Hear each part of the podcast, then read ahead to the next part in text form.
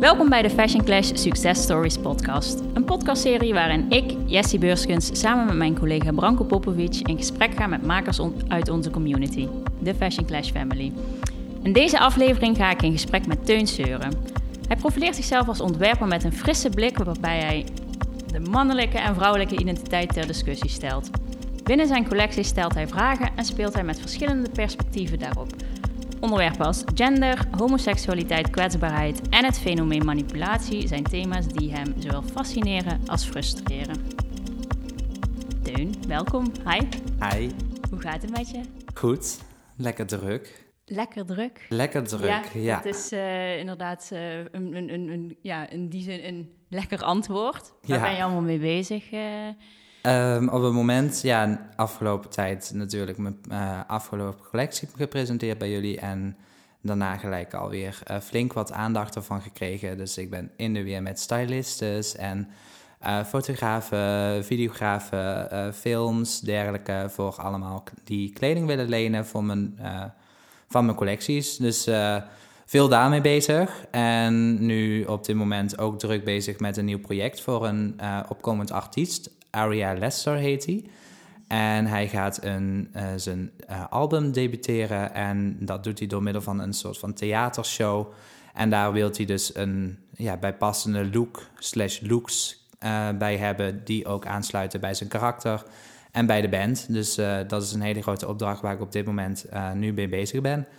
Fantastisch, wat ja. ja. Is het een Nederlandse artiest? Of, hij woont in Nederland. Hij is afkomstig van durf ik niet te zeggen. Zo 1, 2, 3.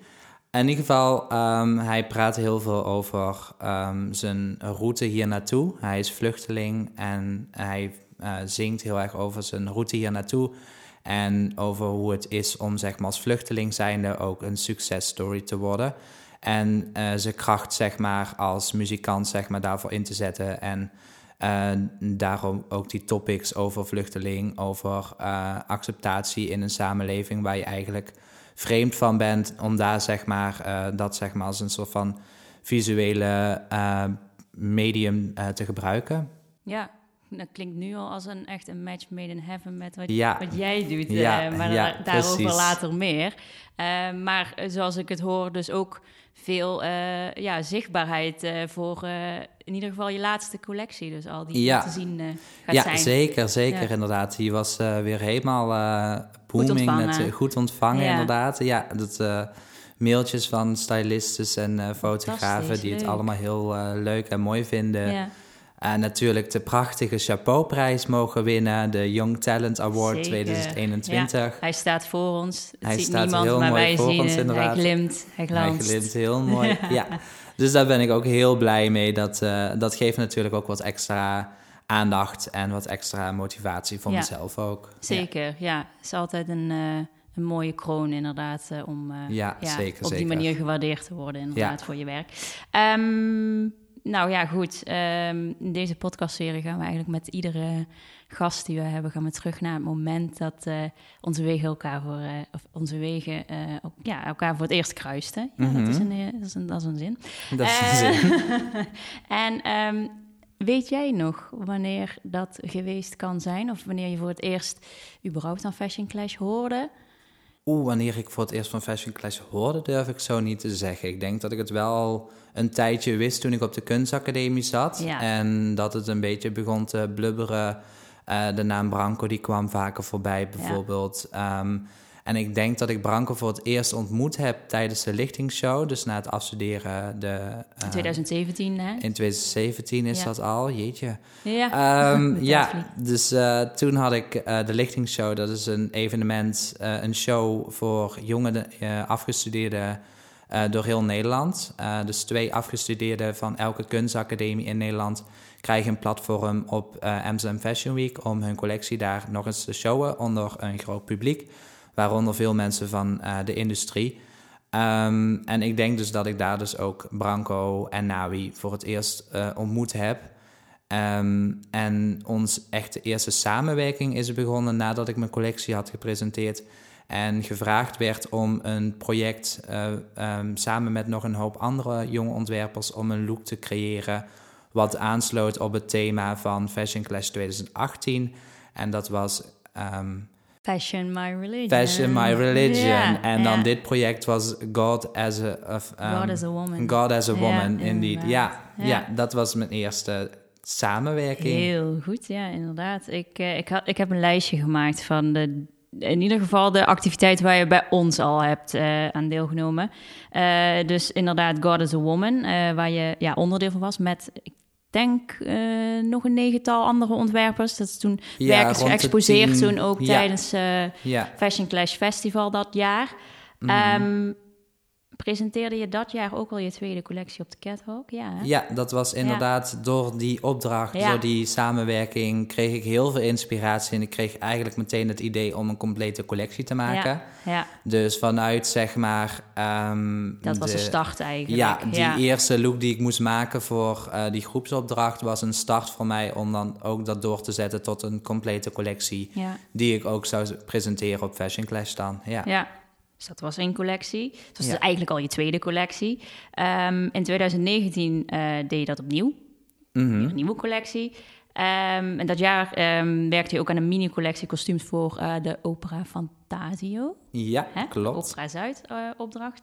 En tijdens de afgelopen digitale editie pre- presenteerde je eigenlijk opnieuw Ja. weer je laatste collectie. Mhm. En het is eh, 2017 ben je afgestudeerd. Het is dus een kleine vier jaar dat je dus. Dit zijn alleen al de dingen die je bij ons hebt gedaan. Hè? Ja, Ehm, ik durf bijna niet te vragen, maar heb je, heb je ook nog iets anders gedaan? Heb je daar überhaupt tijd voor gehad? Want het is ik al heb best nog wel wat, tijd gehad om Ja. nog andere dingetjes te doen, Ja. inderdaad. Ja, dat wel, maar het is inderdaad...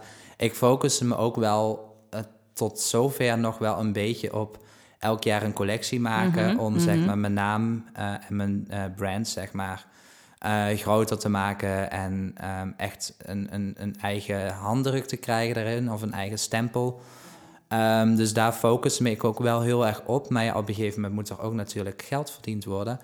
Dus er moeten ook wel opdrachten binnenkomen en opdrachten gedaan worden om zeg maar, zo'n collectie elke keer ook weer te kunnen realiseren. Ja, Dus naast die collecties die ik ehm, bij Fashion Clash heb gepresenteerd, heb ik ook wel meerdere opdrachten gedaan. Zoals eh, voor drag queens eh, looks gemaakt en gecreëerd. En voor performance en ehm, eigen platformen, eigen shows en eh, evenementen gecreëerd om zeg maar nog meer exposure en aandacht te krijgen. Dus ik heb eh, nog wel hoop, een hoop eh, naast de shows gedaan. ja, je hebt echt niet stilgezeten gewoon. Nee, nee blijf echt lekker absoluut doorgaan. niet, nee. Ehm, ik stel voor dat we even teruggaan naar 2017, toen je cum laude afstudeerde eigenlijk aan de Hogeschool voor de Kunsten in eh, Utrecht. Mhm. Eh, en zoals je al zei, je werd geselecteerd voor eh, Lichting 2017 eh, Ja. met je collectie, die heette Schwalbe. Schwalbe. Schwalbe, ja. Ehm, je deed toen ook mee aan het Designblock Festival in Praag. Ja, klopt. Ook nog eens. Ja, ook nog Die had eens. je nog niet eens... Ik was ook nog geselecteerd voor de gemeente Utrechtprijs met Ja, die collectie. ook dus nog. Ook nog eens. Ja, die collectie was wel een, een goede kickstart Ja, van, precies. mijn, Goed, van, mijn, eh, eh, van mijn brand. Ja. ja. Ehm, die collectie Schwalbe die ging eh, over de agressie eigenlijk. En correct me if I'm wrong. die een groep hooligans uitstraalt. Maar zodra je eigenlijk dat individu uit die groep haalt... Mhm. dan verdwijnt die ja, agressie eigenlijk ook ja. eigenlijk. Eh, kun je iets Ja. meer vertellen over dat concept, de uitvoering daarvan? Wat, wat was je, ja, je beweegreden? Nou, de, eh, mijn hoofdinspiratie was de film Hooligan. En dat gaat over een, een schetsfilm over ehm, de wereld van de hooligans in eh, Manchester en in Londen. En, en daarin viel me heel erg op dat die mannen altijd met z'n allen altijd heel agressief en schreeuwen met elkaar en schelden en beetje herrie aan het zoeken waren, echt haantjesgedrag aan het vertonen waren. Maar het moment dat ze zeg maar naar een huisje gingen en met hun vrouw samen waren, waren het eigenlijk gewoon hele simpele, degelijke mannen. Ehm, en dat, dat contrasterende ding en dat, dat, dat, dat ehm, lostrekken van die groep en dan weer samenvoegen, die kwetsbaarheid die eigenlijk daarbij komt kijken, dat vond ik heel interessant. Ehm, waarom dat mannen eigenlijk niet heel erg snel hun kwetsbaarheid durven te, to- te tonen in het bijzijn van andere mensen en vooral andere mannen. Terwijl juist een kwetsbaarheid heel erg, eh, heel erg sterk kan zijn. Dat als je kwetsbaar opstelt, dat je juist heel erg ehm, zelfverzekerd ook kan zijn en heel erg sterk kan zijn door je kwetsbaarheid. En juist dat, zeg maar, het, uh, het uiten van je kwetsbaarheid um, was zeg maar een soort van uh, vorm voor mij om te laten zien van kwetsbaarheid is juist iets krachtigs, iets moois. Laten we juist dat gaan vieren en, en dat uh, neerzetten. Dus dat was een beetje waar ik uh, de collectie mee ben ingegaan. En daarom is mijn collectie ook heel erg zacht en ja, heel veel tedere stoffen en delicate stoffen, wat weer de kwetsbaarheid um, weerspiegelt. Ja, mooi. Inderdaad, mooi, mooi concept in ieder geval. En Dank je. over de um, de uitwerking gaan we het zo meteen nog wel even hebben. Over mm -hmm. uh, de, de esthetiek van die collectie. En mm -hmm. um, voordat je naar de HKU ging, um, volgde je een opleiding mode en maatkleding in Eindhoven. Klopt. Goede vooropleiding ja. in ieder geval voor ja. naar de HKU te gaan. Veel technische kennis al natuurlijk mm -hmm. opgedaan. Ik las in een recent interview met jou... Uh, dat ik uh, um, vond online dat uh, je eigenlijk op jonge leeftijd al wel wist dat je de mode in wilde, maar dat je toch besloot om de opleiding elektrotechniek te gaan volgen. En je ja. lacht. En ja. hoe, hoe dan? Mijn, mijn eerste vraag is, huh? waar, waar komt Ja, dat vandaan, joh? Nou, ik denk dat ehm, bijna iedereen, eh, spreek ik alsnog voor mezelf, maar ik denk dat Mm. bijna iedereen die eh, zich anders voelt dan de rest, zich wel kan eh, inbeelden hoe het is om op de middelbare school te zijn. Ehm, dat is vaak geen pretje, Ehm, vooral omdat je daar altijd heel erg eh, aan de sociale maatstaven moet, moet voldoen. Wil je zeg maar een beetje geaccepteerd worden. En ja, ik was een jongetje wat heel erg ehm, zoekende was naar wie ik was en waar ik voor stond. En altijd een beetje op de achtergrond. En ik had een heel leuk groepje vrienden. En die, dag, die zeiden inderdaad allemaal dat ze elektro gingen studeren. Na- Mm. want we moesten op een gegeven moment keuze maken voor eh, welke richting we op ze wilden gaan op de eh, VMBO. En die zeiden dus allemaal dat ze elektrotechniek gingen daan, eh, doen. En ik dacht van ja, ik ga dan ook maar gewoon mee. Ook al vind ik het misschien niet leuk. Ik had één keer een soldeerlesje gehad bij de elektrotechniek. En dat vond ik wel leuk. Ik bedoel, ik Mm. kon een lampje laten branden. Dat vond ik wel magisch, zeg maar. Dat is, ja, ja, ja. Eh, dus dat was ja, voor mij een soort van motivatie om te zeggen van nou, daar ga ik ook wel mee. Maar uiteindelijk eh, bleek dus dat eh, mijn vrienden toch theoretische weg hadden gekozen en ik ehm, eigenlijk alleen kwam te zitten tussen 25 heteronormatieve mannen, jongens zeg maar. Ehm, dat was wel een beetje een, minpunt van alles. Eh, maar ik denk dat juist die keuze me ook eh, heeft laten realiseren wat dat zeg maar mode een optie kon zijn. En eh, toen ik die weg gevonden had, dat dat wel zeg maar echt mijn, ja, mijn kans heeft gemaakt, zeg maar, en, mijn leven heeft veranderd. Dus ik, ongeacht dat het een heel raar, rare wending is in mijn leven en dat je het niet snel achter me zoekt, is het wel waardevol voor geweest in mijn leven dat ik die opleiding heb gedaan. Ja, precies. Dus, ja. Omdat je juist toen tot de conclusie kwam... hé, maar dit is Precies. absoluut wat ik niet wil. Ja. Ik weet daardoor nu Ja. wel wat ik wel wil. Precies, Ja, ja. inderdaad. En, ehm, En vooral echt kijken van... Want ik maakte de keuze elektrotechniek gebaseerd op wat anderen van me zouden vinden. Ja, En de keuze mode te, eh, om mode te gaan doen had ik puur gemaakt op mezelf en wat ik als persoon, wat ik voor mezelf wilde. En ik denk als klein kind of als eh, tiener, iemand die nog niet goed weet wie die wordt of wat hij wil zijn, dat dat heel belangrijk is dat je echt goed naar jezelf luistert, wat je zelf heel belangrijk vindt en daarvoor moet gaan. Want je leeft maar één keer en om je leven lang iets te doen waar je geen zin in hebt of, of wat je totaal niet aanstaat, dat is gewoon niet, ja, niet leuk. Dus Nee. ik denk dat het wel een, ook een goede les is geweest voor mezelf. ja. Ja, zeker weten. Dat is... eh, ja, de ervaring neem je inderdaad mee eigenlijk. Ja. Eh, ja heel goed.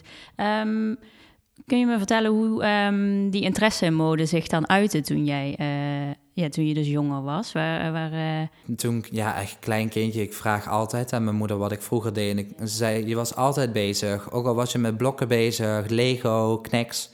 Altijd was je wel creatief bezig. En ja, met de creëren eigenlijk. Ja, met poppen spelen, met. Barbie Ja. poppen spelen. Ik was altijd aan kle- de kleding aan het veranderen. Ik was eigenlijk nooit verhaaltjes aan maken, wat heel veel um, eh, meisjes en jongetjes dan wel doen, zeg maar, Mhm. hun eigen verhaaltje creëren. Maar ik was altijd bezig met hun zo mooi mogelijk maken. En zo, Mhm. of juist zo apart mogelijk. Dus altijd weer een ander haarmodel, vlechtjes of krullen of weet ik veel wat. En dan weer een ander jasje en andere schoenen. Dus ik was altijd bezig Dat was zeg een maar, met... stylist in de dop eigenlijk. Precies, eigenlijk was ik ze continu aan het stylen. Ja. En, en mijn stiefzusjes, die waren dan leuk verhaaltjes aan het doen. Maar ik Ja. zat de hele tijd ja, te Piet Leuteren op welke riem ze dan moest dragen bijvoorbeeld. En eh, ja, dus daar was ik altijd mee bezig. En met mijn moeder ook altijd. Dan ging ze goede tijden, slechte tijden kijken. En eh, dan zat ze op de bank en dan kwam de schoonheidstas zeg maar, van de badkamer af. En toen eh, ga ik dan achter haar op de bank zitten. En eh, ja, ik kon doen wat ik wilde. En eh, aan het einde Dan deed je van... haar kapsel en eh, make-up en ja, dingetjes. Nou, make-up nog niet nee. zozeer, maar vooral haar kapsel. Want mijn moeder wilde wel goede tijden, slechte tijden Oh, kijken. ja, ja, ja. Dus ik moest vooral niet in haar gezicht zitten. Maar ze vonden het niet erg als ik dan in haar haren zat. Dus ze kreeg duizend en één clipjes in, elastiekjes, speltjes, noem het maar op. Ze kreeg alles in haar haren wat in die tas zat.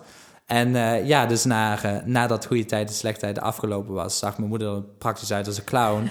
maar eh, ik vond het helemaal gelukkig. fantastisch. Ja, Ja, ja, precies. ja. En zij ook uiteindelijk. En zij ook. wel. Ja, ze zag hoe blij dat ik ervan werd. dus Precies, ja. dan maakte dat verhaal niet uit. Ja, fijn. Ja. Ehm, kan ik daaruit ook uit opmaken dat jij wel in een omgeving bent opgegroeid waar er dus wel ruimte was voor creativiteit en dat het ook wel gestimuleerd werd? Ja, ja, zeker, zeker. Ja, hele fijne omgeving gehad. Vooral, ben vooral door mijn moeder opgevoed. Mhm. En die, ehm, ja, die liet me wel altijd gewoon mijn ding doen. Ze was wel heel erg waakzaam over Mhm. soms... dat ik zeg maar niet bijvoorbeeld eh, met mijn jurkje over straat ging lopen... om zeg maar eh, de reactie van mensen eh, voor mij te beschermen. Mhm. Ehm, wat ik natuurlijk heel erg kan waarderen, maar voor de rest heeft ze me wel heel erg vrijgelaten. Dus thuis, wat als ik thuis iets wilde doen, mocht ik alles doen wat ik wilde. Ja. En, maar soms moest het dan wel thuis blijven en mocht het niet naar buiten. Maar Ja. Dat, ja, dat was puur uit bescherming voor mij. ja. Ja. Was je daar op dat moment ook al bewust van dat dat als bescherming was? Of baalde je daar misschien van? Nee, ik was er niet bewust van. Het kan Nee. goed zijn geweest dat ik er soms wel van, van gebaald heb. Ja, Maar dat kan ik me nu niet per se eh, herinneren. nee, nee, nee. nee. Ehm, maar ik snap wel van mijn moeders kant dat ze het eh, puur uit bewust of eh, uit bescherming heeft gedaan Ja. voor mij. Ja. wel prettig om te horen in ieder geval dat je dus thuis een hele fijne omgeving hebt Ja. gehad waar je inderdaad gewoon die ruimte hebt gehad.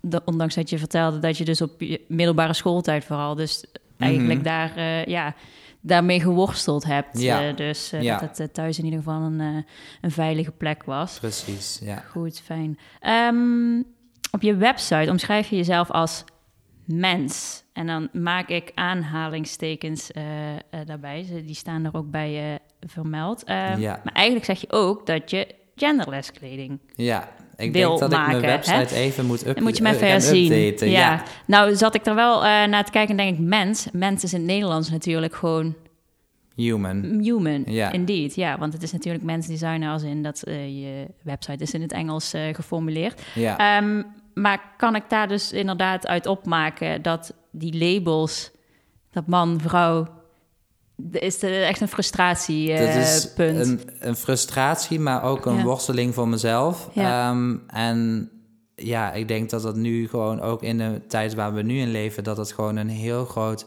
discussiepunt is.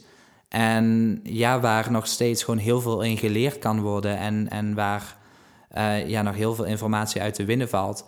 Dus ehm, ik zie mezelf ook niet meer nu op dit moment als mens designer. Ik zie me meer inderdaad als queer slash human eh, designer. Iemand die ontwerpt voor mensen en voor wie ze zijn en niet voor wie ze biologisch zijn. Ja, Of wie ze, wat ze tussen de benen hebben hangen in principe. ja. Ehm, daarover de- zo meteen eh, gaan we nog wel iets dieper op in. Ehm, je had het net al, eh we hadden het over je afstudeercollectie, daarop volgende ehm, collectie I Decline. Ehm, de thematiek in die collecties, ehm, die heeft veel overeenkomst. Die gaat inderdaad al wel over dat, dat, dat labelen. Hè? Je vertelt Mhm. net over die, eh, over die hooligans die eigenlijk een, een, een bepaald label hebben, terwijl dat eigenlijk totaal niet opgaat voor wie ze misschien wel Mhm.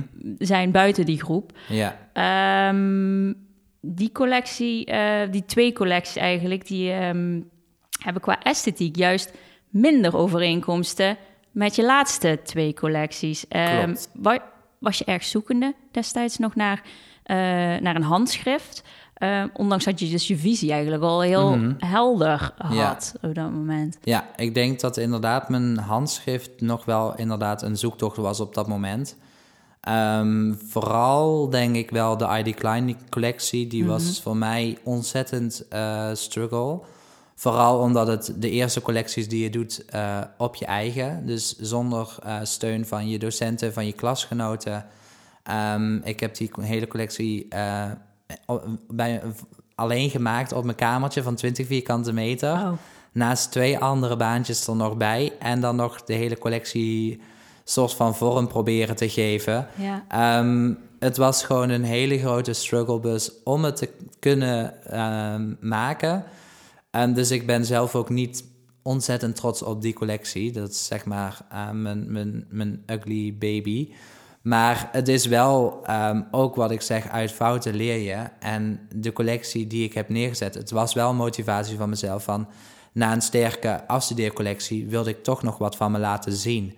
En dat heb ik wel gedaan. En er zit alsnog qua thema en qua verhaal wat in die collectie zit, zit er wel heel veel in. Ja, voelde je druk om te presteren? Omdat je juist na je afstuderen eigenlijk heel erg... Ja ja, om het zo maar te zeggen, opgehemeld. Als in inderdaad die uh, nominatie voor de lichting. Je mag naar Praag. Mm hè, dit, uh, iedereen vindt het fantastisch. En dan, ah, de, de next one. Wat, wat, wat gaat het worden? Ja, je zit inderdaad heel erg met een, met een soort van prestatiedruk van... Je wil alles goed doen en je wil gewoon iets ontzettend tofs en nieuws creëren... wat zeg maar de afgelopen collectie weer helemaal over, overrompelt... Um, daarnaast was de druk ook heel groot van je zit nog steeds met al de gedachten van de docenten in je hoofd van experimenteer je genoeg met stoffen, met materiaal, met vorm, experimenteer je daar ook genoeg mee. Um, dus het was eigenlijk van verschillende kanten kreeg ik, was nog zeg maar een hele grote druk en verwachting van mezelf om zeg maar te presteren. En ik denk dat daardoor inderdaad uh, de prestatie niet zo was als dat ik wilde. Ondanks dat er wel een paar looks tussen zaten die wel heel interessant waren. En die nog steeds, zeg maar, een soort van een glimp zijn van de esthetiek die ik nu heb, zeg maar. Ja. En um, je zegt net, ik heb die hele collectie eigenlijk gemaakt op mijn kamertje in mijn eentje, 20 vierkante meter. Ja. Was je dan ook bang juist om feedback te gaan maken? Want je zegt, ja, inderdaad, die docenten die vallen weg, die, je medestudenten. Vond je dat ook eh, was dat een drempel om dus inderdaad mensen te vragen: Goh, wat, wat vind je hiervan? Wat denk je dat ik met deze look moet doen? En... Nou ja, ehm, ook wel een beetje een drempel inderdaad. Ehm, maar je, ja, normaal gesproken op de HQ of op de kunstacademie is het een gegeven dat je even uh, een gesprek hebt met iemand. En als je bezig bent met een collectie, dan vergeet je ook heel snel dat je inderdaad feedback moet vragen. Ik bedoel, don't get me wrong, ik heb ook gewoon uh, mijn vriendinnen die ik overgehouden heb van de school of van dingen die ik gedaan heb, uh, heb ik ook zeker wel gevraagd van wat vinden jullie van dit? Hoe zou ik de collectie kunnen versterken? Ik heb zeker met hun in overleg gezeten, maar ja, dit is toch een ander soort manier van werken. En ja, dan moet je wel iets sterker, denk ik, in je eigen label staan en weten wat je zelf als label wilt en wat je esthetiek en je thematiek ook is om zeg maar dat nog beter zeg maar, te kunnen uitvoeren. Ja, en inderdaad de feedback die je uh, in die zin... Indirect vraag je om feedback natuurlijk. Dus ja. Wat, ja, wat, wat doe je met die feedback ook? Hè? Is dat inderdaad soms... Wil je het, wil je het horen? Hè? Het kan ja. natuurlijk een soort van... Oh nee, ik steek mijn kop even in het zand en uh, ja, ik en doe voor vrienden is het vaak ook heel lastig om dan feedback te ja. geven. Want die zeggen heel vaak van... Oh ja, heel mooi, weet je wel, ga maar door. fantastisch al gauw, hè? Ja, ja, maar dan is het inderdaad van durf dan, ja, dat is dan, dan moeten ze ook inderdaad de durf hebben om te zeggen wat ze. Heel eerlijk zijn. Ja, wat ze echt vinden. en dat is dan soms als vriend zijnde ook heel lastig. Dus dat kan ik me ook voorstellen dat het ja. soms dan niet eruit komt. Ja, nee, dat snap ik helemaal zeker. Um, je hebt de afgelopen jaren eigenlijk bijna ieder jaar, uh, ja, ieder jaar uh, een nieuwe collectie gepresenteerd. En je ziet in dit huidige modesysteem juist dat heel veel jonge ontwerpers zich afzetten tegen dat creëren van die collecties. En um, vooral in het kader van duurzaamheid. Hè. Dus de een werkt met capsulecollecties, drops. Hè, dat, uh, of maakt zelfs helemaal geen fysieke kleding meer. Hè. Het profileert mm -hmm. zichzelf op een hele andere manier. Ja. Um, hoe kijk jij daar tegenaan? Want jij maakt dus wel nog collecties eigenlijk. Mhm. Hoe, hoe is dat systeem voor jou? eh? ja, dat is een moeilijke vraag, denk ik misschien wel. Ja. Eh, ik weet niet of je dat überhaupt misschien wel eens bij stil hebt gestaan. Maar Nee, ja, ehm, sowieso, ik werk vrij lokaal met alles. Mhm. Ehm, dus al mijn stoffen die ik eigenlijk verzamel, komen ook van mijn lokale stoffenwinkel vandaan. En je werkt nog in een stoffenwinkel, toch? ik ook? werk nog in een Dat is stoffenwinkel. natuurlijk ook wel echt een hele... Ja. ja. Dat is een leuke, leuke fijne plus. bijkomstigheid. Ja, ja, zeker. Ja. Maar dus eh, eigenlijk alle stoffen die ik, ehm zowat alle stoffen die ik gebruik, komen ook daar vandaan. En dan kijk ik ook heel erg naar, we hebben bijvoorbeeld een euro en een 2 euro tafel. Dat klinkt heel goedkoop. Maar dat zijn eigenlijk de restante stoffen die wij opkopen, Ja. onze winkel opkoopt. ehm, van grote bedrijven, van grote meubelzaken, grote modezaken. Wat allemaal restant is, is eigenlijk dead stock fabrics. Precies, ja. Ehm, en dan ook nog met een oninteressante print of een niet eh, modische print. En die komen dan bij ons op de 2 en 1 euro tafel terecht. Wat voor mij ontzettend handig is, want het is en een lekkere goedkope eh, winst qua stof. En er zitten soms echt kwaliteitsstoffen tussen. Zoals bijvoorbeeld een kleine hint, de roze i- ehm, trenchcoat die ik gemaakt heb met de eh, florale print erop. ja, ja. De roze stof is een prachtige mooie eh zijde satijn, viscose zijde satijn. ja. Ehm, afkomstig van een hele luxe meubel eh, eh, stoffeer, eh, stoffeerderij. Maar die was dus voor 2 euro bij ons te koop. ja. Dus dat is dan dat zo'n pareltje wat je Dat eruit is inderdaad vist. een heel mooi pareltje Ja, dan. Dat ja. je dat, eh, en dan koop ik dan direct ook alle, alles op. Dus dan heb ik alle stoffen, dus, want dat zijn dan maar 30 meter misschien maximaal of Ja. zo. Nou, dat is toch Dus eh, eh, op zich best wat, maar dan koop ik het direct allemaal op, zodat ik als ik dan een item maak en er wordt zeg maar een requ- eh, een request gevraagd, dat ik hem ook nog op zijn minst één of twee keer kan reproduceren. ja. Ja, Want ja. daar moet je dan als ontwerper ook een beetje mee ehm, in je hoofd zitten van, ja, hoe zit het dan met de reproductie? En dan probeer ik het zelf dan wel redelijk laag te houden, omdat al mijn werk vrij eh, dramatisch en over de top is en Mhm. flamboyant. Ehm, dus dan eh, zal je ook niet zeg maar dat, dat zo'n jasje duizend en één keer verkocht gaat worden. Dus dan wordt het vaker op, op aanvraag wordt het dan gemaakt en verkocht. Ja, het wordt een exclusiever item dus daardoor Ja, ook. Ja. ja. Dus ehm, wat jou betreft, eh, als je bij, ja, zou dragen, jij draagt bij op, eh, aan een duurzaam modesysteem. Dus eigenlijk inderdaad dat je zegt, ik kies bewust mijn stoffen, geen grote hoeveelheden en lokaal. Ja, ja. En ik kijk dan inderdaad ook vaak naar de kwaliteit van de stof. ja. Dus vaak dat het een natuurlijkere materiaal is in plaats van heel veel eh, synthetische materialen. Ja. Nu ontkom je er soms niet aan. Maar ja, als je er toch naar kan kijken, dan, dan vind ik wel als ontwerper zijn dat je dat ook moet doen. Ja, ja zeker. Ehm, weer even terug naar je collectie Ide Klein. Die gaat over ehm, religie en homoacceptatie. En hierin vier je eigenlijk de mooie kanten van beide werelden. Je Mhm. presenteerde die collectie tijdens eh Fashion Clash Festival. Mhm. Maar het was ook de bedoeling dat je de collectie zou presenteren in een kerk tijdens Alternatief. Ja, Een kunstproject in je geboorteplaats Horst. Ja, Ehm, alleen dacht het kerkbestuur in Horst daar iets anders over. ja, En die vonden je ontwerpen wat controversieel, niet passend in de kerk. ja, dat klopt. Ja, ik kan me voorstellen dat je toen wel behoorlijk teleurgesteld was. Omdat je natuurlijk juist die positieve Mhm. ja, kant Ja, ik wilde was best wel, van, eh, eh, best wel teleurgesteld inderdaad. ja, eh. vertel eens, hoe, eh, hoe ging dat? Nou, hoe dat ging, ik werd dus gevraagd om eh, deel te nemen aan het project. Ja. Omdat ik degene die het organiseerde, Sanne Abe, eh, kende ik persoonlijk. En zij vond mijn werk gewoon heel interessant en ze vond dat dat wel een plek zou verdienen. Ehm, mijn idee was dus ook om een klein eh, soort van mini-modeshow te geven in de kerk. Want mijn collectie staat dus inderdaad om het vieren van religie en eh, seksualiteit en geaardheid. Hoe dat zeg maar altijd een soort van twee werelden zijn. Maar om het juist zeg maar samen te voegen dat eh, je geaardheid of je seksualiteit of je identiteit niet een eh, afzondering is van wat je re- religie of geloof moet zijn. Dat, dat, dat wordt heel vaak zeg maar gescheiden gehouden. Maar het is juist ook heel mooi om het samen te voegen. En ja, mijn idee was om dus een hele mooie catwalk te, te, doen in een prachtige kerk. Ik dacht dat het heel mooi zou zijn Alleen ja, was het dus te controversieel. Dus ik werd eigenlijk uh, klakkeloos in het leegstaande pandje naast de kerk geduwd. En gezegd van ja, dan doe het maar daar. want dat is ehm, een betere plek voor jou, bij wijze van.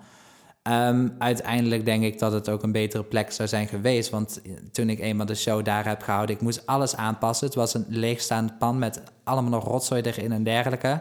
Dus ik heb samen met mijn moeder en haar vriend uh, van alles en nog wat gedaan. Dus alles opgeruimd. Uh, poppen bij de lokale um, kledingwinkel gevraagd of we die voor een avondje mochten lenen. Die in, de, in die ruimte gezet samen met TL-balken. En sfeerlichten. Een vriend van mij die was DJ voor die avond. Die heeft uh, zijn avondje opgezegd om bij mij even te komen DJ'en. Wow. uh, al mijn vrienden en mensen om me heen die ik kende, die wilden ook model zijn. Dus ook de vriend van mijn moeder, die wilde op een gegeven moment, zei ook van, doe mij ook maar gewoon een look aan als je nog iemand nodig hebt. Dus die heeft ook op een gegeven moment kleding van mij aangedaan. En eenmaal toen de show uh, startte, omdat ik dus twee events gepland had Um, allebei de momenten dat de show startte, stond de zaal bom en bomvol. Wij als modellen konden praktisch nog niet eens meer door de mensen heen lopen om zeg maar de kleding te laten, te laten zien. Zo'n groot succes en zoveel aandacht was er eigenlijk voor, voor wat ik wilde laten zien. En ik denk dat dat zeg maar wel een soort van kleine middelvinger was naar de kerk toe van... kijk maar wat jullie nu even lekker achter hebben gelaten. Ik doe het lekker zelf wel, ik heb het niet nodig. Ja, en dat, ja, dat gaf wel een soort van kracht ook van mezelf om zeg maar ook weer een beetje uh, ja, neglected te worden, een beetje uh, genegeerd. genegeerd. Ja. Um, daar kom ik vaak heel sterk uit. En dan laat ik altijd zien van, oké, negeer me maar, maar ik ben sterker dan dat je denkt. En ik laat wel even zien hoe het zit. En dus dat vond ik ja, heel mooi dat het, dat het zo'n groot succes is geworden. En uiteindelijk heb ik samen met mijn moeder nog twee paspoppen in de kerk neergezet. En uh, die toch de looks aangegeven, zodat ze toch een klein deel waren van, uh, de, van het evenement, alternatief. En um, daar is dus ook nog een foto van uh, gemaakt. En die is dus in de lokale krant gekomen met mijn artikel erbij over mijn hele ervaring met dit, uh, dit, uh, dit event. De hele debakel eigenlijk. Ja, het hele wat, debakel. Dat het toch wel heel goed uitgepakt heeft ja, uiteindelijk. Ja. ja, ja, ja, mooi. Fijn dat het uiteindelijk... Het is, is ja, ontzettend jammer dat het natuurlijk ergens zo heeft moeten gaan. Maar wat je zegt, uiteindelijk is het misschien wel die... Ja, die middelvinger eh, die... Uh... Uiteindelijk heeft mijn moeder ook nog... is die in gesprek gegaan met de gemeente... omdat ze het uh, ja, niet zo gepast vond wat er gebeurde... Ja. En heeft ze dus een, uh, een, een, brief geschreven aan de gemeente. En heeft ze op een gegeven moment ook mogen spreken voor de gemeente. Waarin ze dus aankaart dat wij als gemeente, uh, de gemeente Horst aan de Maas, eigenlijk wel meer aandacht mag geven aan diversiteit en aan de queer community. En dankzij haar brief en haar gesprek is er dus nu ook een regenboogvlag pal voor de deur van de kerk uh, gemaakt om, uh, om zeg maar de gemeente of uh, de LGBT plus community te supporten. Ja. Ja, wat fantastisch. Is dat ook, um, toen je die collectie maakte, had je gedacht toen ook dat dat eigenlijk zoiets in beweging zou kunnen zetten? Dat je dus inderdaad eigenlijk sociaal-maatschappelijk gezien dus ja, um, bepaalde kracht kunt gaan uitoefenen, inderdaad om zo'n verandering mm teweeg te brengen. In dit geval jouw moeder, maar ja. fantastisch zeg dat ja, je... Nee, dat, ja, dat had ik zo niet durven, durven bedenken... dat dat zo'n grote impact zou kunnen hebben. Ik bedoel, het zal... Ik had wel verwacht dat het iets zou opschudden. Sowieso het hele gesprek al met, met de dominee uh, van de kerk, zeg maar... was al heel interessant hoe hij zeg maar ook zijn visie gaf over mijn werk en hoe hij zeg maar mijn werk ook wat, beschreef. Wat, wat, zei hij? Uh, het was een Durf ik zo uiteindelijk niet, niet, precies te, te, zeggen, maar het was uh, soms heel erg um, kort door de bocht en um, echt vanuit zijn perspectief en niet zeg maar ruimdenkend. En dat vond ik ook wel een beetje shocking. Um, dat ik denk van, dat we nog steeds met een religie zitten wat, nog, wat niet ook meegroeit in de met tijd. De tijd ja, precies. En dat vind ik dan jammer, want religie hoeft niet zo oudbollig te zijn en zo kort door de bocht en zo zwart-wit. Terwijl de wereld nu totaal niet zwart-wit is. Het is super, alles is een grijs gebied. En dat vind ik dan jammer dat de religie zich daar niet zeg maar, ook zeg maar, voor uitspreekt. Dat, dat er meerdere wegen zijn en dat niet alles zeg maar, goed is of, of slecht is. Maar dat iets goed ook iets slechts kan zijn, maar iets slechts ook juist iets, positiefs kan brengen voor een of het ander. Je hebt ze aan het denken gezet, hopelijk. Precies. Dat is uh, in ieder geval uh, wat het op heeft geleverd. Mooi. Um, over je collectie Golden Renaissance, ja. Mhm. Zeg je zelf dat uh, deze jou echt op de kaart heeft gezet als jonge ontwerper. Hoe merkte je dat? Nou ja, sowieso qua uh, esthetiek wel. Ja. Het is echt... Um, Daar is dat handschrift dus eigenlijk weer, dat dat op dat moment wat meer op zijn plek viel voor jou. Ja, ja. en het feit dat ik uh, minder um, op zoek ga naar thema's wat op heden, of zeg maar wat heel specifiek is. Van het nu? Van of het... juist uh, meer uh, doorlopend eigenlijk? Of ja, hoe zeg je dat? Um, niet eens een trend is, maar dat het meer uh, voor de lange termijn is. Ja, ja. dus meer inderdaad um, niet per se inderdaad een trend, maar zeg maar de soort van core concept van mij als ontwerper zijn en mijn ja, mijn rode draad in, in alles. En dat denk ik dat je dat het beste ziet in de uh, Golden, Renaissance, uh, Golden Renaissance collectie. Waarin ik eigenlijk heel erg uh, pleit voor um, viering van identiteit en seksualiteit, maar ook geaardheid. Alles een beetje van wie je bent als persoon. Daar hoeft seksualiteit en geaardheid staat daar los van, van je identiteit. En um, het is een soort van um, middelvinger naar de toxic masculinity uh, toe. Hoe toxic masculinity eigenlijk uh, heel veel schade aanbrengt aan de wereld. Hoe uh, hypermasculiniteit mannen um, laat zien dat er een hiërarchie bestaat tussen man en vrouw. Maar ook tussen man en man. Van iemand die hypermasculin is, um, kijk, buigt eigenlijk meer neer op, op een man die wat uh, vrouwelijker is of wat femininer. Um, en daarin probeerde ik dus juist een heel, uh, ja, heel erg mee te spelen hoe, uh, hoe je eigenlijk vrouwelijkheid in mannelijkheid kan stoppen. En hoe dat eigenlijk een soort van een grijs, ook weer een grijs gebied eigenlijk is. Wat niet plat is dat man, mannelijkheid man is of vrouwelijkheid juist voor een vrouw is dat moet in mijn wereld eigenlijk gewoon een soort van diffuus met elkaar worden. Dat het een soort van samenkomt in alles. Ja, het is niet zo eenzijdig als uh, nee, het is zeker de labels het, uh, ja, het aanduiden. ja. Um, je won met deze collectie ook um, de Next Level Award, bij de publieksprijs. Mm -hmm. dus het publiek vond jouw collectie tijdens um, die show ja, de, de, beste, om het mm -hmm. zo maar even te zeggen. Wat betekent zo'n prijs voor jou dat je dat mag ontvangen. Maar nee. ja, nou, is, geen taboe, is geen nee, taboe. Het is geen taboe. Zeker leuk dat ik inderdaad weer een klein, uh, klein zakcentje kan uh, heb voor, uh, voor de volgende projecten die ik dan ja. kan doen. Ja. Um, maar ik heb ook altijd gezegd van dat hele geldbedrag, dat maakt me eigenlijk helemaal niks uit. het feit dat ik juist ook de publieksprijs won. Ja. Wat wil zeggen dat uh, het hele publiek wat daar aanwezig was, in ieder geval de meerderheid ervan, heeft gestemd uh, voor mijn werk. En met dan ook nog zo'n krachtige, uh, zo'n krachtig verhaal daarachter en zo'n krachtig concept, dat dat doordringt bij mensen en dat mensen snappen wat ik wil zeggen dat, ja, ik, nu ik het vertel, krijg ik weer helemaal kriebels ja. op mijn rug. Dat, Ik zie dat je ook lopen over die catwalk. Ja, dat stukje, dat um, is gewoon zo ontzettend magisch dat je...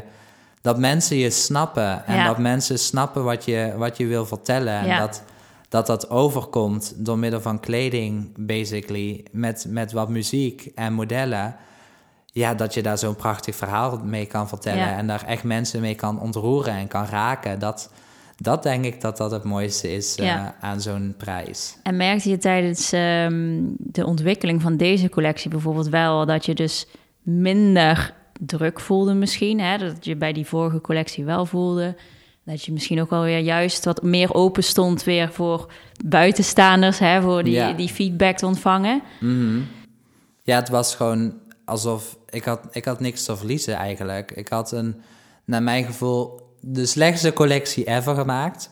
uh, natuurlijk heel, heel is, dramatisch. maar, Maar, eh, ja. voor mij was het gewoon zo van: oké, ik heb mijn dieptepunt gehad. Ik kan nu eigenlijk alleen maar omhoog. Ja. Dus ik ga ervoor. En eh, persoonlijk ehm, ging alles ook veel beter. Ik kreeg een atelier ehm, waar ik zeg maar mijn collectie kon maken. Meer ruimte. Meer ruimte, inderdaad. Niet meer op die 20 vierkante meter. Ja. Een fatsoenlijke baan met structuur.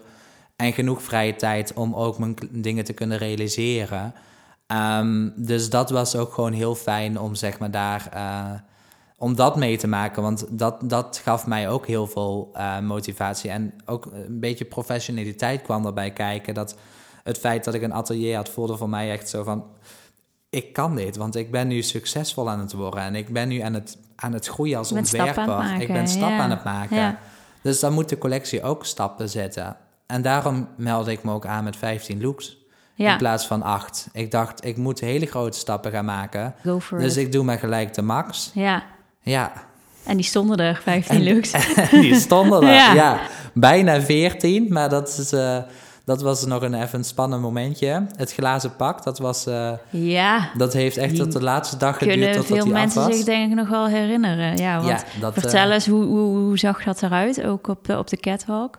Nou, dat kun je je voorstellen. Het zijn eigenlijk allemaal eh, kleine eh, ronde steentjes ehm, van glas, van oude eh, kroonluchters. Ja. En ben ik stad en land voor afgegaan, alle kringlopen afgegaan. Om dat specifiek soort Jeetje. steentje aan de kring- dat- kroonluchter te, Oh, verzamelen. wauw. Heb ik die allemaal gewassen en Ja. schoongemaakt. Om, omdat ja, bij de kringloop is alles Stoffig natuurlijk heel vies vies, en stoffig ja. en roestig. Ja, Ehm, dus ik moest het allemaal eh, schoonmaken en ook allemaal weer uit elkaar halen. Dus ik had een bak met miljoenen steentjes en een bak met miljoenen ringetjes... die allemaal een beetje eh, aangekoekt waren van roest. Eh, met heel veel soda en eh, azijn geprobeerd het eraf te krijgen. Maar je krijgt toch een beetje altijd wel zo'n randje eraan. Vond ik ook niet erg, want het was ook weer een stukje sustainability... wat ik erin wilde brengen. ontzettend, jeetje. En ja. zo dus eigenlijk vanuit nul zeg maar weer een heel pak eh, gecreëerd. Ik begon met een headpiece, heel enthousiast. En ik dacht van, oh, als ik die afkrijg, komt dat wel goed. En de headpiece ging eigenlijk vrij snel. En toen dacht ik van, ja, nee, dan moet nog een compleet bak, pak heb bij. steentjes over. Eh, Nou, ik had geen steentjes over. Nee, oh, je bent nog verder ik op zoek gegaan. moest weer op zoek. Oh, maar ik dacht van ja, dit moet meer worden. Het, het is, eh, ik wist niet waar ik het pak, eh, het, het masker anders bij zou doen. Dus ik dacht, er moet een complete look van worden. En dat wordt mijn openingslook ook. Dat was een soort van moment dat ik dacht van ja, dit moet gebeuren. Ehm, maar ja, ik had nog nooit een bodysuit gemaakt. Laat staan een bodysuit van glas. Nee, Ehm, dat eh, dus is... eh, het was een hele struggle. Het zijn Oh, eigenlijk meer een soort van maliënkolder eh geworden. Ehm, maar ik had hem dus op een gegeven moment af. En toen heb ik hem eh, gepast met een vriend van mij. die een beetje dezelfde maten zou hebben als het model die ik gevraagd had. Wie was Dennis Beideveld. Ehm, maar het moment dat ik hem ging passen, het was echt een ramp. Mijn, mijn vriend lag op de grond en ik schoof heel voorzichtig eh, dat glazen soort van harnas over hem, heen. Eh, en dat ging op zich allemaal goed. Maar het moment dat hij op, probeerde op te staan, zag ik over elkaar kraaltjes springen en vliegen en alles spatte uit elkaar. En eigenlijk bleef er heel weinig over nog van het pak. Oh, wat erg. Dus ik was echt in rep en roer en ik wist niet of ik het nog ging redden voor, ehm, om het zeg maar klaar te krijgen. Maar ja, door stress krijg je ideeën blijkbaar. Klopt, ja. En ehm, opeens midden in de nacht had ik een idee bedacht om dan in plaats van een bodysuit te maken, twee pieces te maken. Dus een kort broekje wat vastgehouden zou worden door transparante eh, riemen. Eh, en een soort van eh, slapje over de schouders. Om zeg maar toch de illusie te creëren van een badpak. Ehm, maar uiteindelijk waren dus twee delen met een headpiece. En dat, toen ik dat eenmaal af had na heel veel tijd... van die kraaltjes weer in elkaar prutsen... ehm, had ik het bij mezelf gepast en het was heel stevig. En ik dacht van ja, dit gaat werken. Maar het was echt op, eh, op de valreep dat ik hem af had. Jeetje. En deze heb je dus helemaal zelf gemaakt. Maar, maar Ja. maak je alles nog helemaal zelf in eigen beheer? Uh, al je um, sinds kort niet meer. Oké. Ik heb sinds kort een uh, stagiair. Wat goed. Dat is dus ook een mooie stap, een, toch? Ja. Ook weer een groei en ja. een volgende stap ja, inderdaad. Ja, ja. maar voornamelijk inderdaad um, alles zelf. Want mijn stagiair kan natuurlijk ook niet elke dag komen, omdat ik mm. nog mijn baantje heb.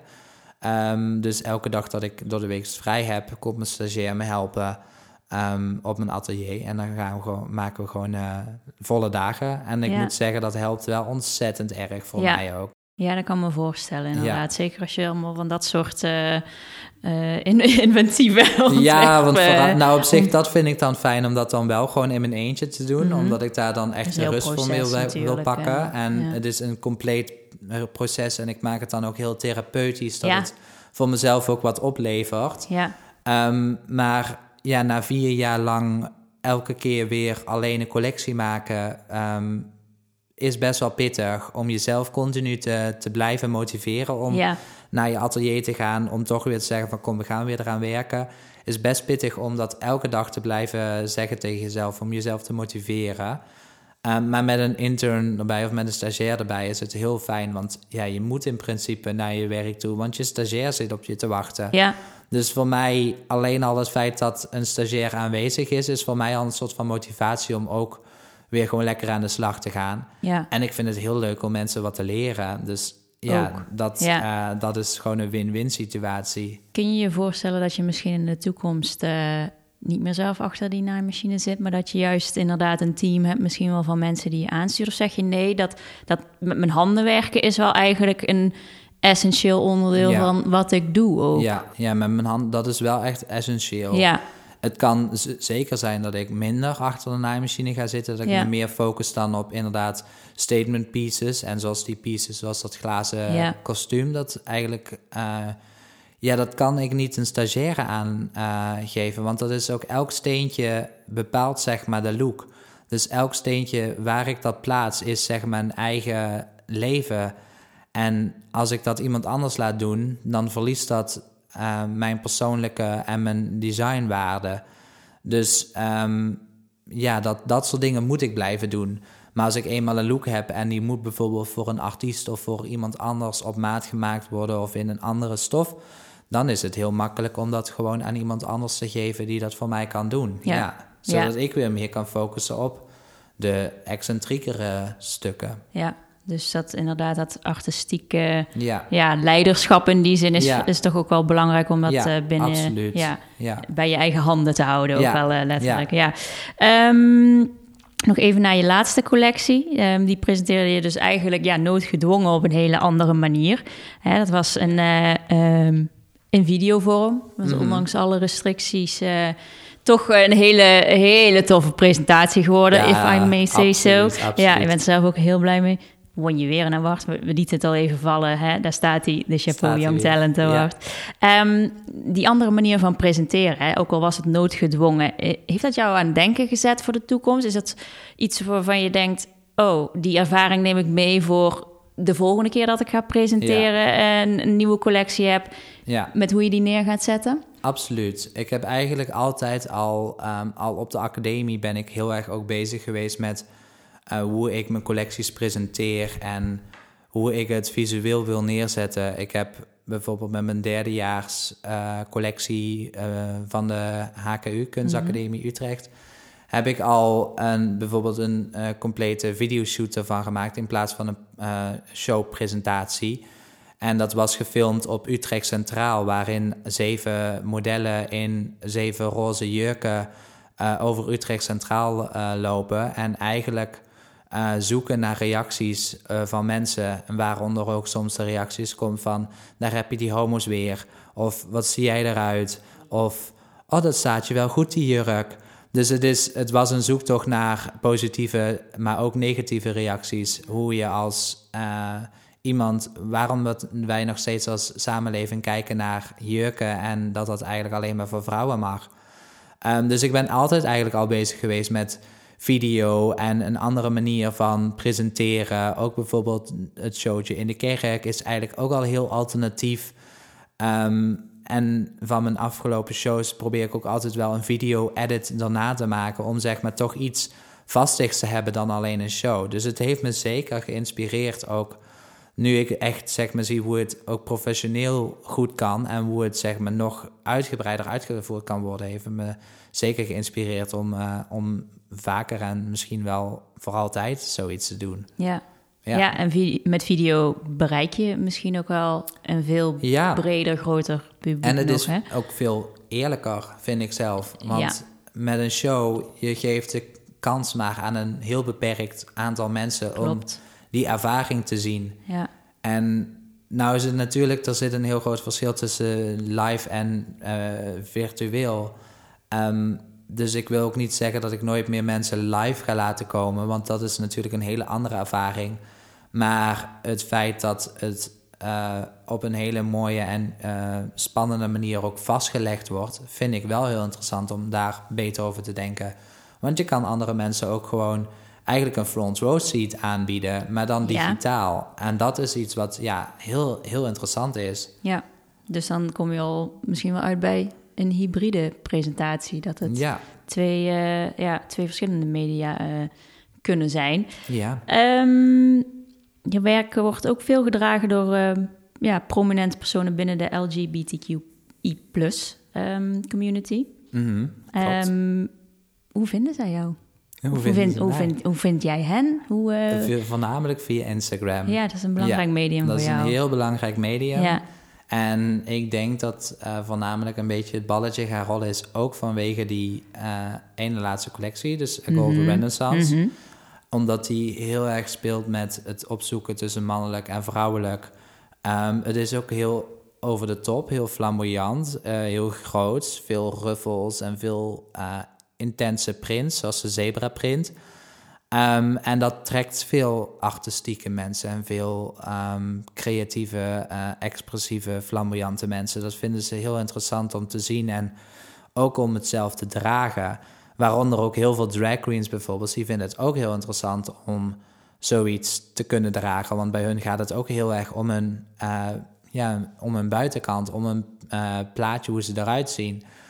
Um, dus via die weg denk ik dat ik heel erg uh, veel connecties heb gebouwd door de middel van drag en ook samen te werken met mensen in drag die dan weer een naam hebben en die weer foto's posten van mijn werk om zo weer nieuwe mensen zeg maar, te laten zien. een soort olievlek eigenlijk. Ja, het is een soort ja. van olievlek die zich verspreidt. Ja. ja. nee, dat kan me voorstellen dat dat je zichtbaarheid echt enorm vergroot.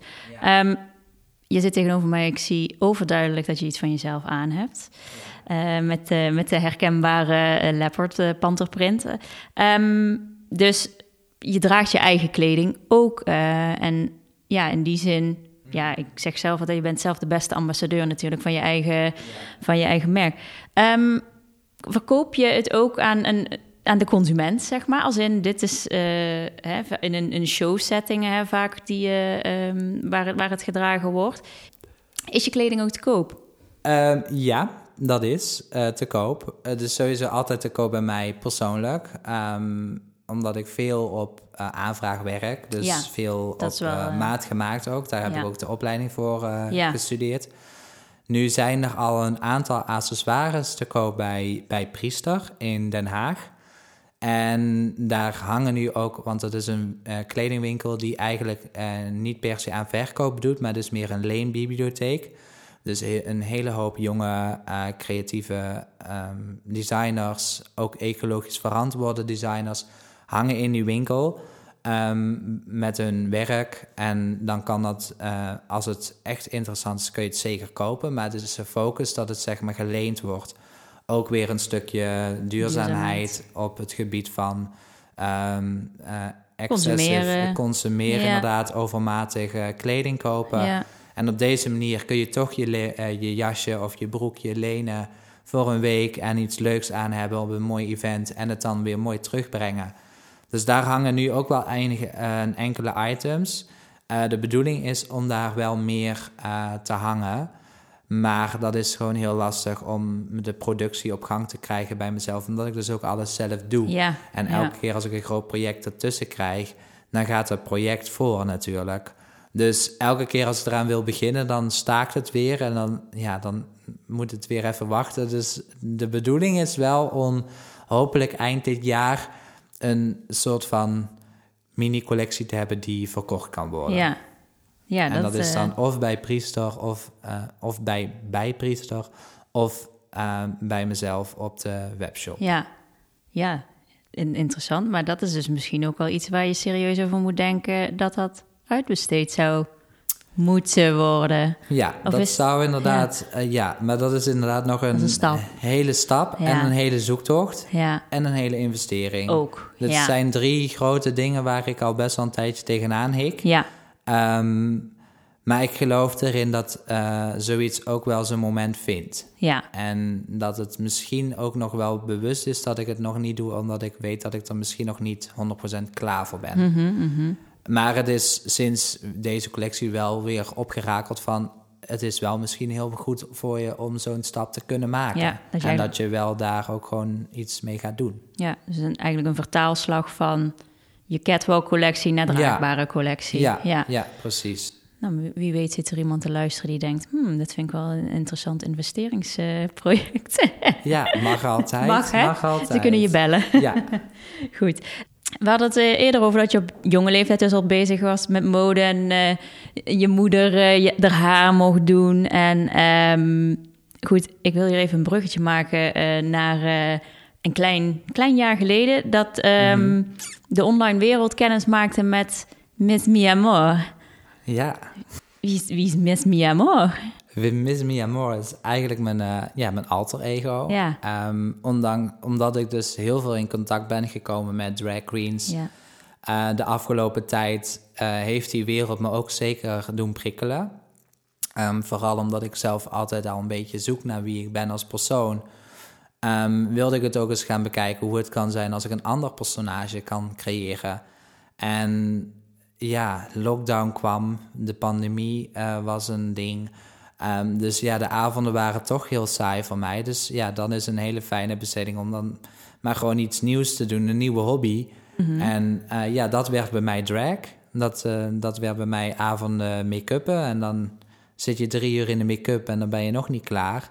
Dus je maakt zo je avond vol eh, om zeg maar een eh, karakter te maken. En hoe- ja, het is misschien een ontzettend stomme vraag, maar ga je dan, zet je YouTube aan met een tutorial of kijk je naar een foto van, ga je iets namaken of ga je gewoon zelf freestylen en Meestal, Hoe, inderdaad, meestal inderdaad gewoon out of the blue. Ja. Soms heb ik een inspiratie dat ik denk van nou, ik wil vandaag een blauw gezicht. Of ik wil vandaag... ja, je werd eh, wakker en je dacht ik wil een blauw gezicht. Ja, nou ja, Ja. dat was wel een look die had ik gemaakt, Ja. omdat het toen ontzettend hard stormde buiten. En ik werd er een beetje angstig van en ik was bezig met mijn make-up. Toen heb ik dus eigenlijk onbewust een soort van cloud gemaakt op mijn gezicht, waarbij mijn wenkbrauwen een soort van wolken waren en de rest van mijn gezicht blauw. Ja, Een soort van zee- zee-creature, maar dan ja, was het dus wel weer geïnspireerd eigenlijk door de onweer die gaande was. En ja, zo krijg ik eigenlijk elke keer gewoon mijn, eh, ja, een eigen visie van... Oh, dat, nu heb ik zin om dat te doen en dan ga ik ervoor. Ja. Of soms dan begin ik gewoon, zet ik alle spullen voor me neer... en ik begin gewoon met tekenen Ja. op mijn gezicht dan. je bent je eigen canvas Ik eh, ben in mijn die eigen zin. canvas, ja. ja, en ik ehm, zie je de laatste weken regelmatig eh, online oppoppen dat je live gaat op Instagram, Instagram live. Ehm, en dan neem je eigenlijk ehm, de kijker mee in de transformatie naar, eh, Ja, ja, tot Mia, ja. als ik het zo mag zeggen. Mhm. Eh, is dat, dat is, eh, ja, ook een, een, een, iets wat door de, eigenlijk de verveling in de avond is ontstaan? Deels. dat doe je ook niet alleen, hè? dat doe je ook met Nee, anderen uit te zien. andere drags inderdaad uit Ja. te zien. Inderdaad. Ja, het is een beetje een soort van ehm, trend aan het worden. Of ja, het ontstaat omdat we natuurlijk ook met onze avondklok zitten nu. Dus we Oh. moeten s'avonds om tien uur gewoon thuis zitten. En we mogen gewoon eigenlijk niet meer naar buiten. Dus ja, dan zit je toch echt wel vast. En als je thuis niks meer kan doen, ja, je, dan is best een, een avond best lang. Ehm, dus op een gegeven moment kwamen eh, verschillende drag queens met het idee van... we gaan gewoon elke avond, eh, of we gaan eens in de week een avondje live... en we gaan met z'n allen gewoon een make-upje doen. En nu doe ik dat meestal, spring ik inderdaad in bij andere mensen die dat dan opzetten... zoals Ashley en Tonya Nies. Eh, dat zijn twee drag queens die dat zelf zeg maar ook opgezet hebben... Ehm, het idee, zeg maar. En dan ehm, vroeg ik gewoon van, mag ik dan een avondje meedoen? Want ik heb toch niks te doen. Dus ik uh, vind het wel leuk om dan even mee te doen. Want inderdaad, de hele avond dan weer muziek op te zetten... en dan weer een make-upje doen, dat is ook niet in leuk. je eentje. Ja, in Ja, je eentje. ja. En als je dan met vier andere queens dan lekker een beetje kan Ja. praten... en een beetje grapjes kan maken... Is het gewoon veel, veel gezelliger. Ja, het is eh, avondje uit eh, 2.0 eh, Ja, eigenlijk in die zin. Ja, ja. En daarbij is gewoon ook eh, het live gaan. Doe ik soms bewust op mijn eigen profiel en soms op mijn drag-account.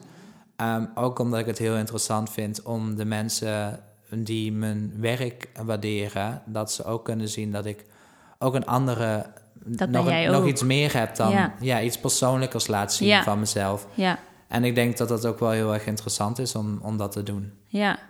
Ik vind het heel interessant in ieder geval eh, Nou, om naar te kijken in ieder geval. fan. Ja, nee, maar ik, en ik zie dat er.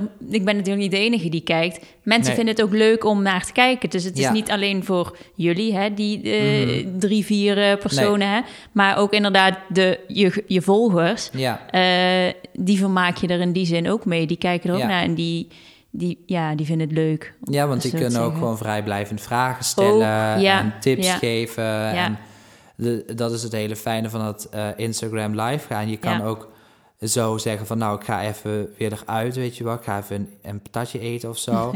en dan komt er weer bijvoorbeeld een andere queen, die komt dan ook. En dan zit die opeens weer in de chat. En het ding is, het is wereldwijd. Dus het kan zo zijn dat je met queens uit andere landen weer eh, in die live zit. En dat maakt het zo ontzettend interessant. Ja, Dat je vanuit je huis eigenlijk gewoon connecties kan maken met, me- met mensen precies. over de hele wereld, Ja. basically. En het dan, verbreedt jouw community ook Ja. weer gewoon. en we sharen allemaal hetzelfde. Ja. En dat is een liefde voor, voor drag en make-up. Ja, Ja. fantastisch.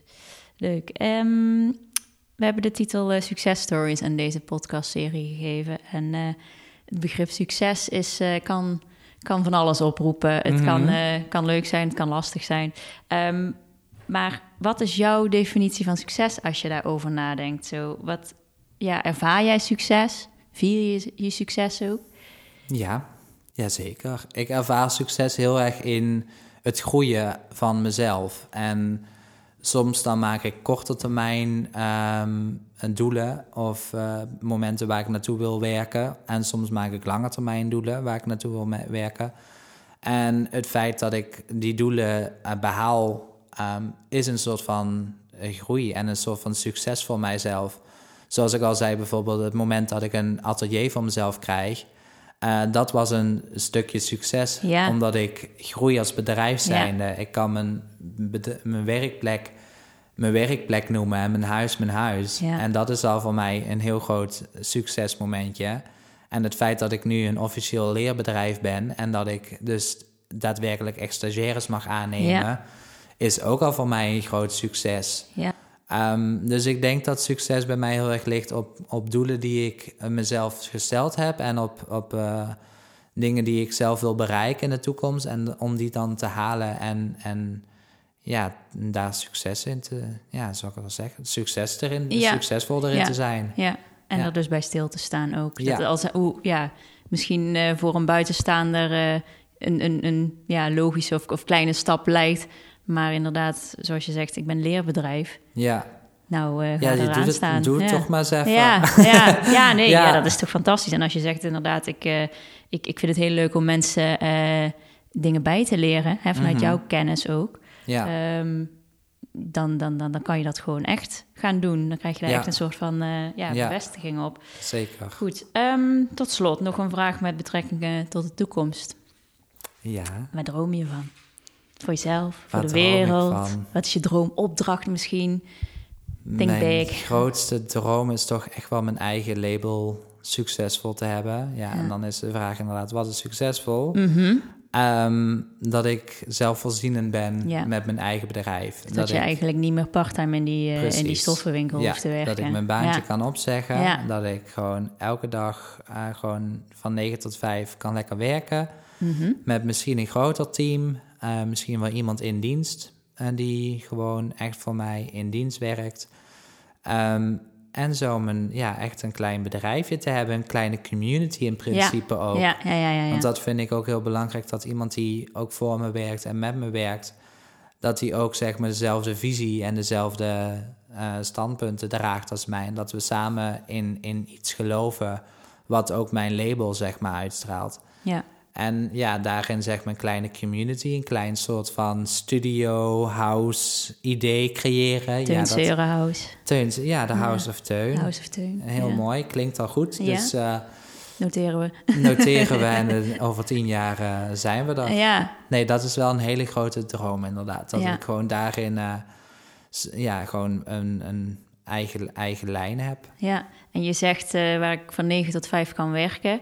Nou ja, Eh, ja, soms wel iets meer, soms wel iets meer. Dat, eh dat suggereer ik niet per se hoor. Ik, eh, ik, ben, eh, ik vind het heel belangrijk inderdaad. Tenminste, ik kan me voorstellen ook eh, dat je privéleven en natuurlijk werk en privé, hè, die combinatie, is soms, hè, je zegt al, ik maakte eerst die collectie bijvoorbeeld eh, thuis in mijn kamertje en Ja. die grens was eigenlijk was er totaal niet. Mhm. Als je een aparte werkruimte en een atelier hebt, dan is die eh, eh, verdeling er al veel duidelijker. Ja.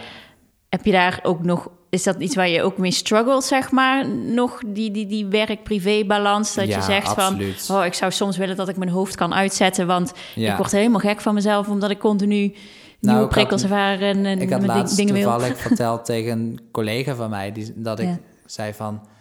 Ik zou het eigenlijk soms ook wel lekker kunnen vinden om gewoon een 9 tot 5 baantje te hebben. Heel en dan s'avonds gewoon thuis en dan niks te hebben. Ja, Niet al de mailtjes te hoeven hebben en niet overal op hoeven te reageren. Geen verantwoording overal aan hoeven te afdragen. ja, ja. Maar dan zit ik één avond, heb ik niks, dan denk ik van ja, wat ben ik aan het doen? Ja. Dan heb ik er ook geen Past zin meer in. Nee. Nee. dus tuurlijk, het blijft een struggle en soms Ja. wil je gewoon dat het even ophoudt.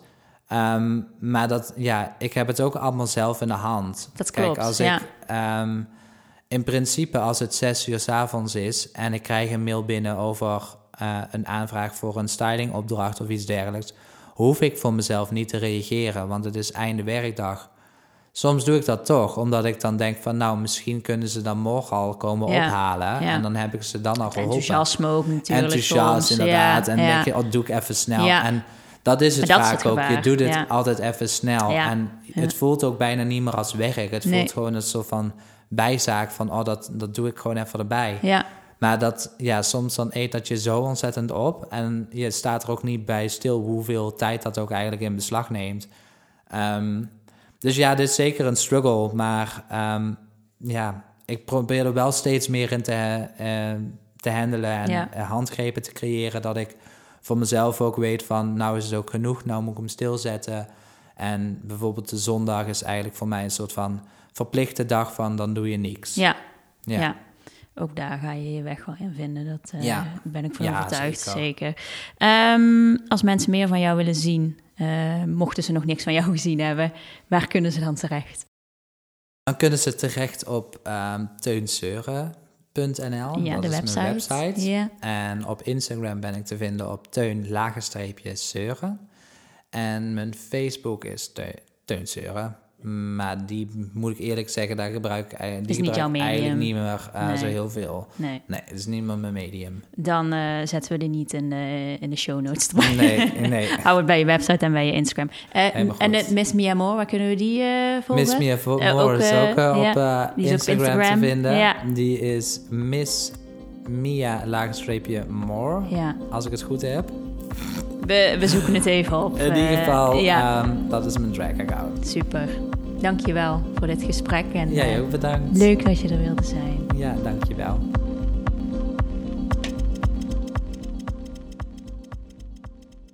Dank voor het luisteren naar deze aflevering van de Fashion Clash Success Stories podcast. Wil je meer weten over Fashion Clash? Ga dan naar onze website fashionclash.nl of volg ons op Instagram fashionclash-festival. Deze podcast is geëdit en muzikaal vormgegeven in samenwerking met Mark Mafood. Vond je dit een leuke podcast? Abonneer je dan op het Fashion Clash kanaal, zodat je geen enkele aflevering hoeft te missen.